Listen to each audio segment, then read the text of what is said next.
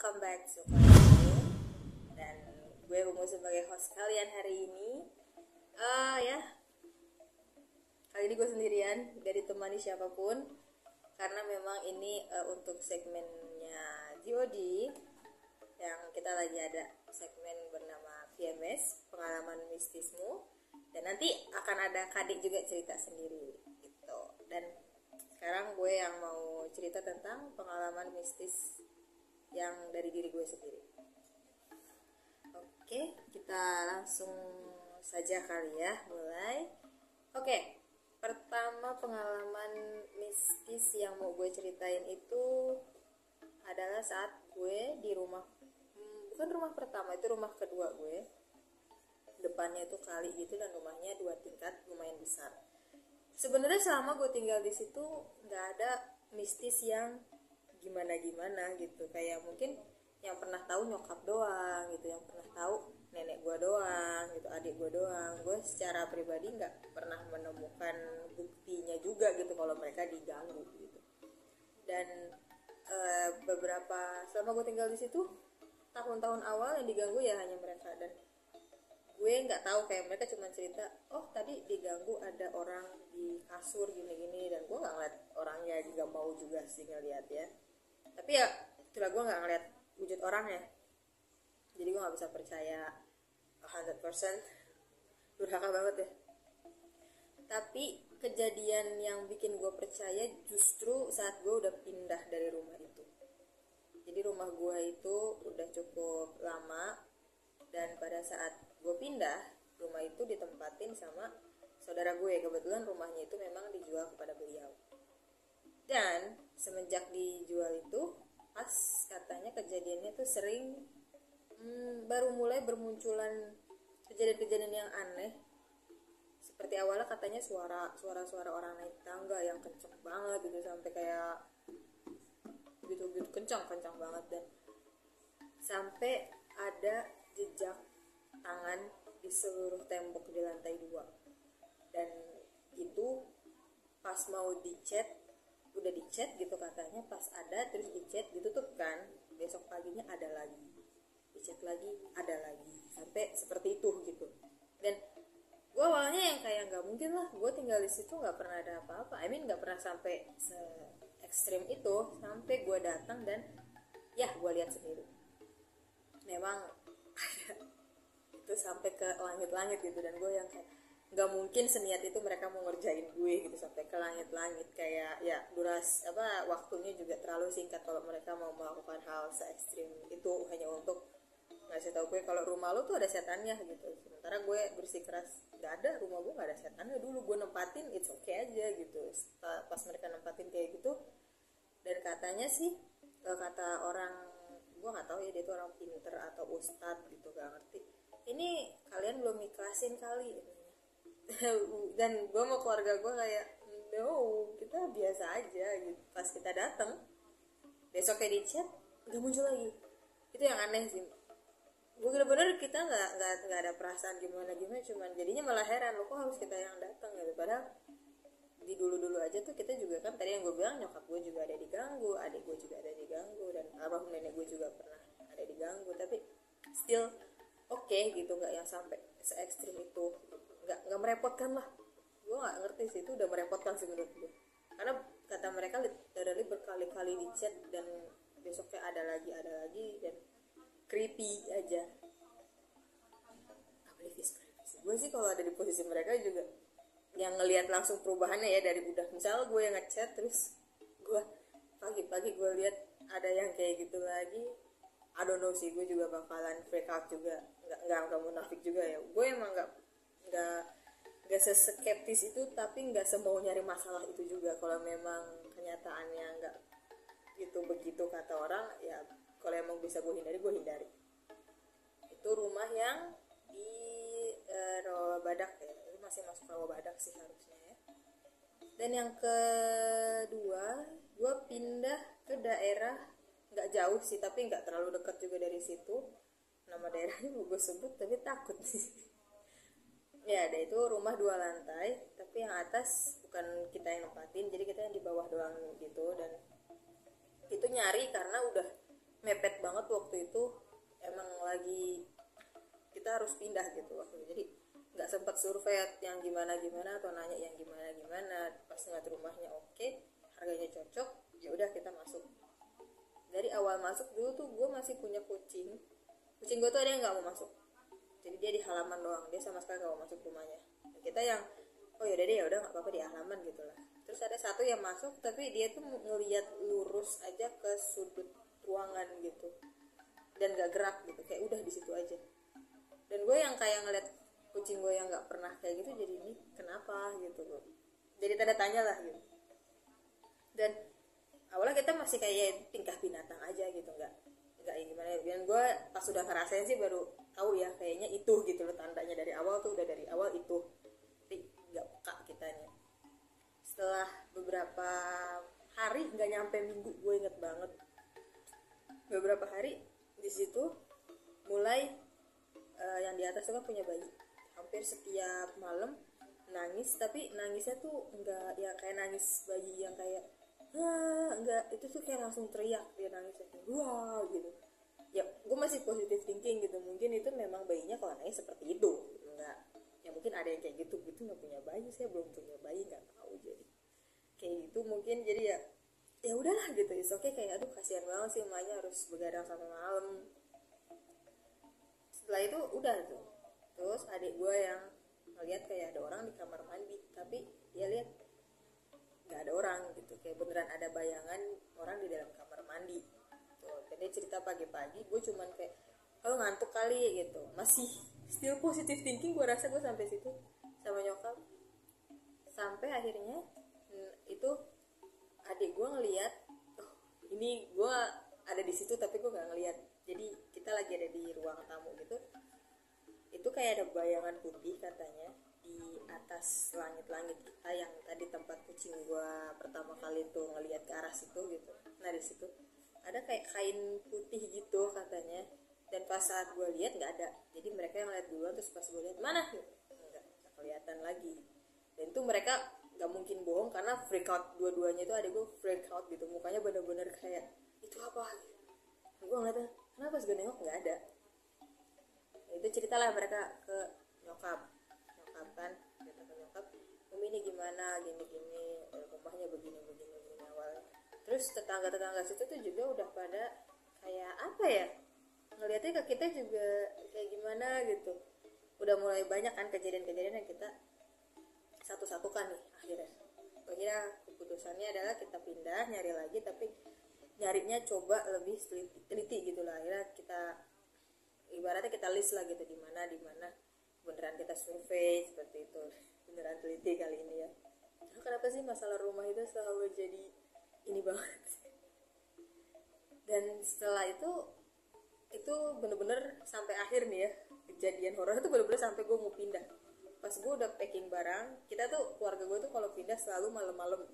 Kayak jam 12 malam atau jam 1 gitu atau jam 11 gitu.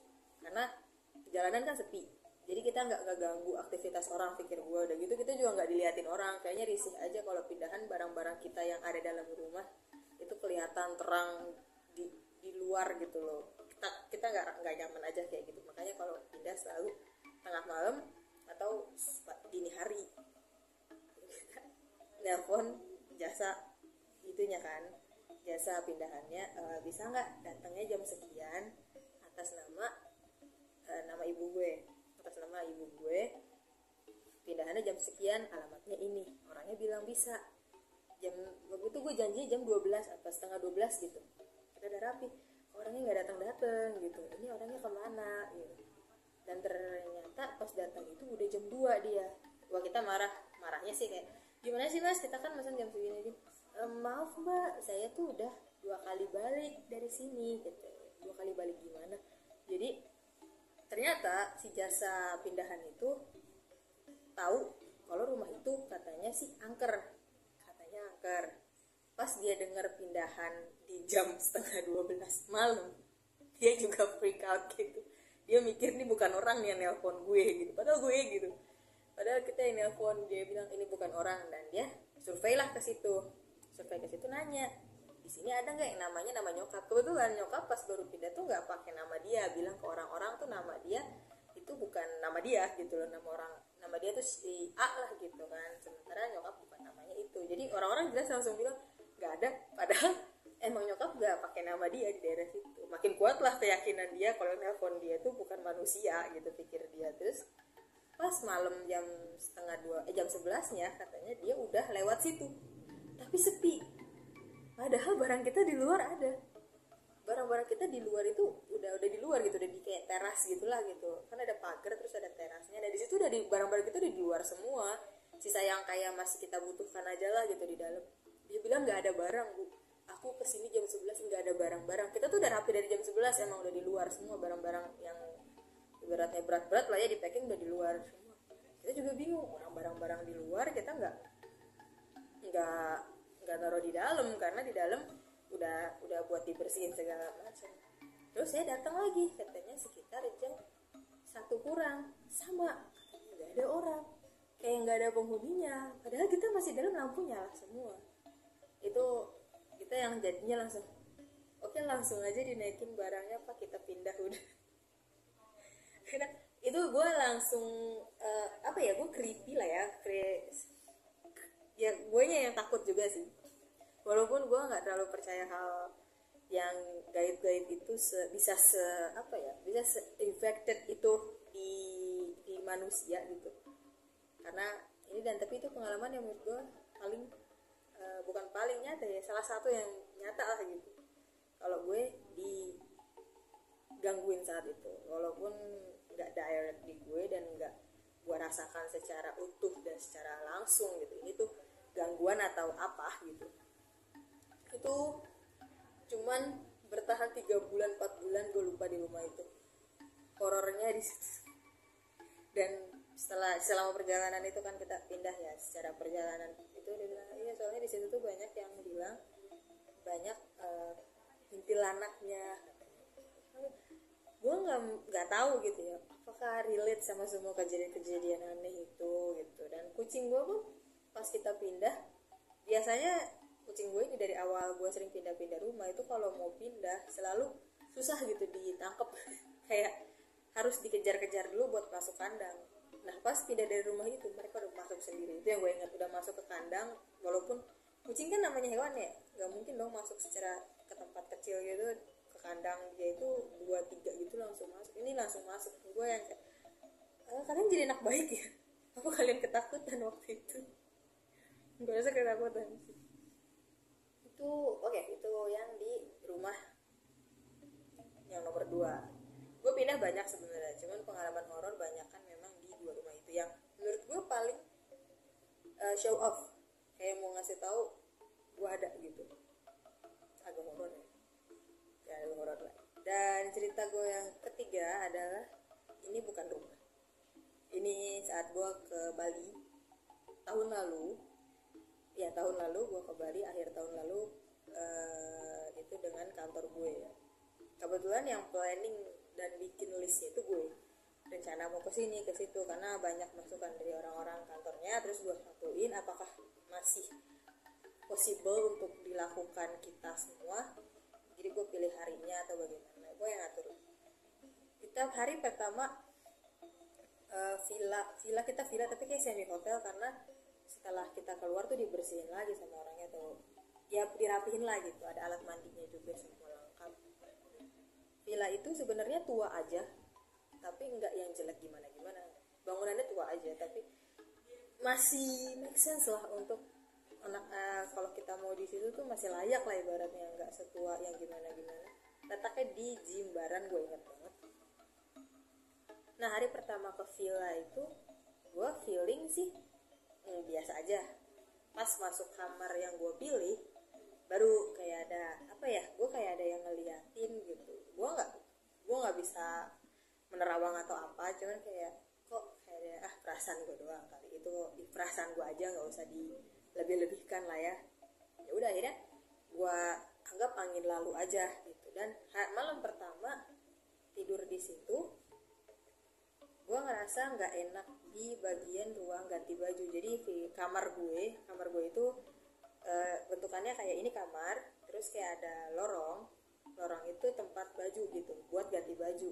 Kayaknya sih begitu karena di situ ada lemari gede banget dari kayu terus ada kaca ada meja kecil sama ada kursi.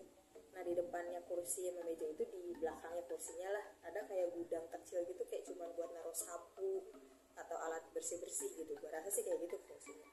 Nah terus ada pintu lagi ke sononya itu baru kamar mandi. Jadi kalau mau ke kamar mandi harus ngelewatin ruang ganti baju itu ruang yang ada lemarinya itu baru ke kamar kita pada saat gue masuk ke situ ke ruang ganti baju itu gue ngerasa kayak uh, kayaknya gue napas agak sulit di sini deh. Apa mungkin karena ruangannya pengap atau gimana ya gue masih positif thinking ke situ. Ruangannya pengap kali gitu. Ya pas di kamar mandi gue enjoy enjoy aja gitu. Ya udahlah. Nah pas malam gue kayak ini ini gue nggak tahu ya kayak berasa banget itu pintu harus ditutup pintu yang menghubungkan kamar gue sama ruang ganti baju itu. Kayak gitu kayak, kayak ada yang tutup tuh pintu gitu. Akhirnya gue tutup lah. Terus gue ingetin sama teman sekamar gue kebetulan ada dua orang. E, kalau malam pintunya tutup ya. Kenapa emang? Ya tutup aja lah namanya ke arah kamar mandi. Tapi aku bilang gitu biar nggak takut juga. Soalnya gue juga bingung alasannya apa kayak ada yang bisik bukan bisikin kayak ada yang ngedorong gue untuk tutup itu pintu gitu kan. Mereka juga bakalan apaan sih lo gitu. Ya gue aja yang merasa apaan sih ini gue gitu. Itu enggak itu aneh sih. Tapi gue nurutin aja jadi gue udah tipe yang yang nggak terlalu percaya. Tapi kalau memang ada yang ngeganjel gue mending gue lakuin aja selama itu nggak aneh-aneh gitu loh. Nyari nyari aman lah apa ada yang sama kayak gue? Boleh taruh di bawah. Atau nunggu ditunjukin dulu baru kalian ngambil tindakan yang aman. Boleh komen di bawah. Dan itu itu berlangsung kita di situ kalau nggak salah tiga malam gue lupa. Tiga malam kalau nggak salah. Dan tiap malam adalah gue nutup memang. Hari kedua di Bali gue ke daerah Bedugul ke Pura Ulun Danu selama di Bali tuh gue jalan-jalan ke banyak tempat kayak ke Kintamani terus ke Jimbaran juga terus ke Nusa Penida bahkan gitu kan. Dan gue nggak merasakan hal aneh yang apa ya yang gue rasakan saat gue di Pura Ulun Danu buat yang tahu mungkin Pura Ulun Danu itu yang ada di duit ya kalau nggak di uang berapa gitu gue lupa tuh puranya itu.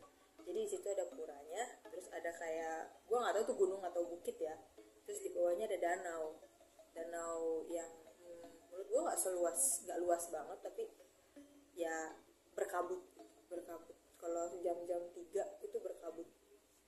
Jadi letaknya pura itu tuh kan dekat danau itu ya. Pintu masuknya itu agak jauh jadi untuk dari pintu masuk ke danau itu tuh jalannya ya takes time aja sih lumayan jauh. Buat yang udah pernah pasti tahu lah. Jalannya tuh turun turun tangga gitu terus ada yang jalan gini ada yang agak naik begitu. Jalanannya nggak nggak rapi. Bukan nggak rapi nggak rata rapi mah rapi. Nah pas gue udah ma mulai masuk dari pintu masuk ke pura itu gue udah ngerasa kayak nafas gue tuh susah banget. Tapi masih bisa kayak oh ini karena gue di dataran tinggi kali. Gue berpikirnya masih positif. Gue jalan semakin mendekati ke arah puranya dan dia makin sesek gitu kayak gue susah banget nafas. Oh ini gue nggak bisa nih apa ini data karena dataran tinggi. Tapi temen-temen gue semua have fun nggak ada yang ngerasa apa-apa gitu. Nah, gue mikir apa gue aja yang penyakitan gitu. Ya pokoknya gue masih positif lah. Sampai yang muncul bukan lagi susah nafas gitu tapi ngantuk gue ngantuk banget di situ. Padahal gue itu malam tidur gitu. Maksudnya gue nggak begadang atau nggak yang tidur cuma 5 jam gue tidur beneran. Dan bangun juga agak siangan karena kita ke purunya itu cuman ya agak siangan gitu loh. Karena acara hari itu hanya ke situ. Jadi lebih nyantai lah. Gue ngantuk banget. Ngantuknya tuh sampai bener-bener gue pengen tiduran kayak di situ kayak ada bunga lau gitu di depan puranya gitu nah itu orang-orang masuk ke ngadem di situ. Dan gue kayak pengen pengen banget tiduran gitu di situ. Bener-bener pengen tidur rasa yang kayak ngantuk banget. Kayak hampir nggak kuat gue sampai gue takut gitu kok gue pengen tidur di sini? gitu. Aneh banget. Padahal itu cuaca panas. Panas yang lumayan terik karena langitnya biru banget kelihatannya. Akhirnya gue udah gak kuat sama sekali gue udah ngantuk dan nafas gue masih sesek walaupun gak sesek pertama itu gue pergilah menuju pintu masuk lagi. Di pintu masuk itu ada kayak restoran gitu dan gue di situ kan gue bilang sama orang-orang "Eh, sorry ya gue di sini gitu. Kalian kalau mau masih main gak apa-apa tapi gue di sini. Gue di situ akhirnya gue pesen kopi dan I'm better gitu. Gue belum minum bahkan itu kopinya ya. Gue langsung gak ngantuk. Pas udah nyampe situ duduk gue gak ngantuk. Gue gak ngerasa lagi sesek gitu kayak wah apa gitu kok aneh banget sih itu gue udah nggak mau lagi deket-deket pura itu akhirnya. Karena apa ya nggak nyaman. Gue berada di situ kayak nggak nyaman gitu. Kayak gue disuruh pergi gitu. Ya emang gue juga pengennya jadi menjauh terus. Karena akhirnya gue nggak nggak ke arah pura itu lagi setelah gue menginjakan kaki di restoran itu sampai kita pulang. Dan hari terakhir di di Bali di villanya itu kita ke Nusa Penida waktu itu pulangnya itu cukup capek. Buat yang pernah ke Bali tau lah Nusa Penida kayak apa di medannya ya. Cukup capek. Jadi pas pulang gue mandi. Gue mandi pertama dari di kamar gue gue mandi pertama. Terus teman-teman gue eh, banyak yang masih bangun dan main atau apa gitu. Gue udah nggak kuat gue tidur. Dan ternyata di hari terakhir temen gue yang di kamar gue dua orang itu nggak nutup itu pintu. Jadi pintu itu malam terbuka pintu yang dari kamar gue menuju ruang ganti baju itu. Dan gue nggak ngeh paginya juga kalau itu terbuka gitu loh. Jadi pas pagi bangun gue mandi ya kayak biasa kita siap-siap pulang. Dan pas nyampe Jakarta temen sekamar gue baru ngasih tahu kalau dia habis di Rukiah. Terus dia di Rukiah katanya ketempelan sama yang di Bali. Gue bingung ketempelannya di mana? Lu kan happy happy aja. Iya kata yang ngerukiah itu di villanya di kamar kita. And gue kayak gue lang di situ kan ada ada anak itu dan ada beberapa orang di dari kantor gue gitu kan. Terus gue refleks dong ngomong lu nggak nutup pintu ya? Nutup pintu ruang ganti baju ya pas malam. Semua pernah nengok ke gue. Dia langsung bilang iya kok katanya.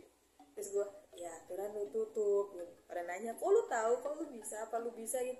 Enggak gue punya feel aja kalau di situ tuh harus ditutup gitu. Gue nggak tahu apa alasannya gitu. Gue nurut aja sih sama kayak gue nggak tahu ya what you call it gitu. Apa ini apa ini sesuatu yang menyelamatkan gue Gak tahu. Gue ngerasa tutup aja. Yaudah gue tutup gitu. Tanpa kalau itu nggak berbahaya gue lakukan gitu. Kecuali kalau udah kasih bunga apa ya gue juga nggak mau lah. Gitu terlalu aneh buat gue. Akhirnya pada ngeliat iya kak katanya karena nggak nutup eh, nggak ngelakuin pantangan yang dikasih gitu. Maksudnya nggak menjaga pantangan itu malah ngelanggar gitu padahal nggak ada pantangan pas kita masuk villa itu orang villa juga nggak ngasih tau apa apa gitu. Dan itu itu murni gue yang ngomong kayak tutup ya pintunya kalau malam. Dan mereka nggak nutup dan akhirnya katanya itu benar-benar ketempelan sampai dia nangis nangis katanya di rumah nggak nggak ngerti sih gue karena nggak ngeliat dia gimana prosesnya ya. Jadi nggak tahu tapi pas dia ngomong sih ya apa ya nggak terlihat bohong gitu ya. Oke berarti lo nggak nutup saya bilang berarti lo bisa dong? No gue nggak bisa. Gue cuman merasa waktu itu lo di situ tuh jangan dibuka. Dan pas ditanya emang apa yang nempelin? Gue nanya itu bukan wujud kayak manusia itu lebih kayak wujud hewan dan dia bilang iya bener. Like, gue yang jadi takut sendiri kayak oh my god jangan dong jangan gue nggak mau bisa seperti itu gitu jangan kayak gitu. Tapi ya itu sering sering terjadi kadang di hidup hidup gue ya kayak gue jangan ke situ gue jangan ke sini gue jangan pikiran kosong di sini gitu gitu seperti pas eh, kelas daun itu kita ke Bandung Bandung hari pertama itu banyak ya bukan banyak sih. Itu kita pada cerita-cerita horor kalau nggak salah. Eh, di cewek-cewek Ya, dan gue merasa di apa di langit-langit di atas lemari gue tuh kayak ada yang aneh dan ya gue mikir apa karena gue lagi cerita-cerita horor terus gue ke bawah gitu. Tapi it's not kayak gitu gitu literally itu gue ngerasa banget akhirnya gue kayak udah stop. Udah stop. Gue tidur. Kayak gitu dan ternyata teman-teman gue juga eh adek ya gitu. Iya ada yang aneh gini gini. Oh ya udah. Gue nggak mau terlalu banyak apa ya ibaratnya terlibat hal-hal seperti itu sebenarnya. Karena menurut gue uh, itu bukan hal yang gue harus masuk gitu. Tapi ya balik lagi. Kita kan kalau gue nggak tahu di kepercayaan lain ya tapi kalau muslim kita kan berdampingan juga sama mereka gitu. Dan I I try to deal with that gitu. Tapi nggak yang jadi ibaratnya gue nggak mau ganggu lo ya lo jangan ganggu gue gitu. Dan gue akan berusaha. Kalau memang gue mau apa ya ngapa-ngapain berusaha nggak mau ganggu ranah mereka kayak gitu. Gue gak tau ada yang sependapat juga sama gue kayak kita ngambil jalan tengahnya aja nggak mau aneh-aneh gitu aman sentosa karena sampai saat ini gue hidup gue nggak pernah ngeliat orang yang kesurupan.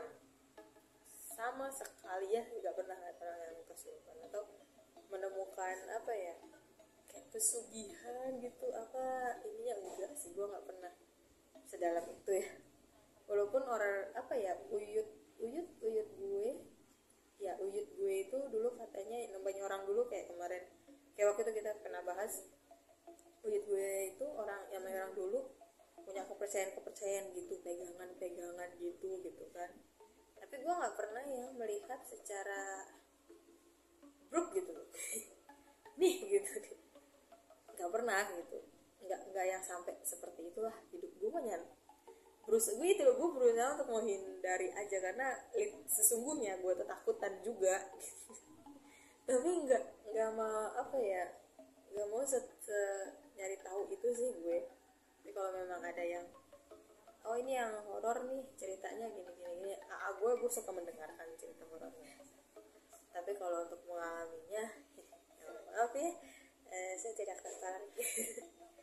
Pengalaman horor gue lebih banyak justru malah ke orang-orang yang dekat gue. Gue nya sendiri tuh yang diganggu paling yang hanya di Bali aja ya. Itu gue merasa gue kayak itu perasaan gue saat itu tuh kayak gue diusir diusir dari pura itu gue nggak boleh ke situ. Gue nggak tahu apa alasannya tapi kayaknya gue nggak boleh. Saat itu sih gue kalau nggak salah nggak lagi head juga kok baik-baik aja gitu. Jadi kayak gue nggak boleh mendekati itu. Dan sampai sekarang kemarin kantor ke Bali lagi gue sama sekali nggak mau nginjek dan karena udah separno itu. Gue nggak mau udah gue mendingan nggak usah ke pura-pura lagi gue ke ke mana namanya? Ke laut-laut aja karena I'm not nyaman di pura ya kemarin gue sempet ke Uluwatu kalau nggak salah dan gue feel the same tapi nggak separah dulu Danu gitu gue merasa kayak oh ada yang gimana nih gitu. kayak setiap ke pura yang di Bali gue ngerasa kayak gitu. Gue nggak mengunjungi semua pura sih hanya beberapa dan hampir semuanya itu berasa I'm not welcoming gitu. Kayaknya ya tapi apa karena itu tekanan udaranya aja karena itu di dataran tinggi gitu. Tapi udah Undanu nggak tinggi kan tuh di masih berasa kayak gitu ya. Ya, ya gue percaya itu sebagai hal yang udahlah nggak usah. Dan gue nggak yang seribet kenapa sih harus gak usah gitu? Gue kami coba untuk aja sih. Makanya pengalamannya mungkin karena gue mau hindar ya nggak ada yang berefek gimana gimana gitu gue gue nggak pernah merasa um, harus takut gitu sama mereka. Gue lebih kayak oh ya udah kalau emang ini ranahnya mereka gue nggak boleh datang ya udah. Gitu. gue nggak merasa di intimidate dengan mereka. Lu takut ya? Takut tapi untuk uh, sampai kayak gimana gimana ya type gitu. Karena ya balik lagi ya kalau soal hal-hal yang mistis-mistis gitu kan ke keyakinan masing-masing aja gitu. Nggak nggak yang harus kalian nggak harus percaya cerita gue gue juga nggak harus meyakinkan kalian untuk percaya gitu. Lebih ya gue mau sharing gue punya pengalaman yang weird menurut gue gitu kan. Gue udah mencoba menjelaskan atau ibaratnya ngambil sisi sisi possibility-nya itu kalau itu adalah coincidence atau itu adalah faktor lain.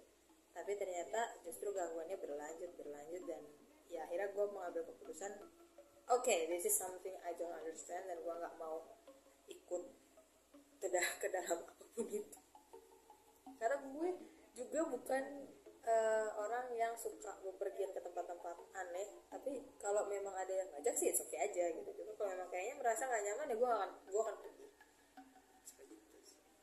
Oke, jadi itu adalah segmen PMS dari gue, perwakilan dari Diodi. Itu salah satu host Diodi. Thank you udah klik video ini dan dengerin cerita gue. Dan jangan lupa di share, di like, dan di komen kalian boleh banget cerita pengalaman horor kalian juga di bawah. Kalau memang ada uh, pengalaman horor yang mungkin sama juga di Bali juga pernah atau ada yang pernah ke Bali dan merasakan hal yang sama boleh banget cerita di bawah. Nanti kita pasti bacain komen kalian. Kok ya thank you udah klik video ini. Dan dadah sampai jumpa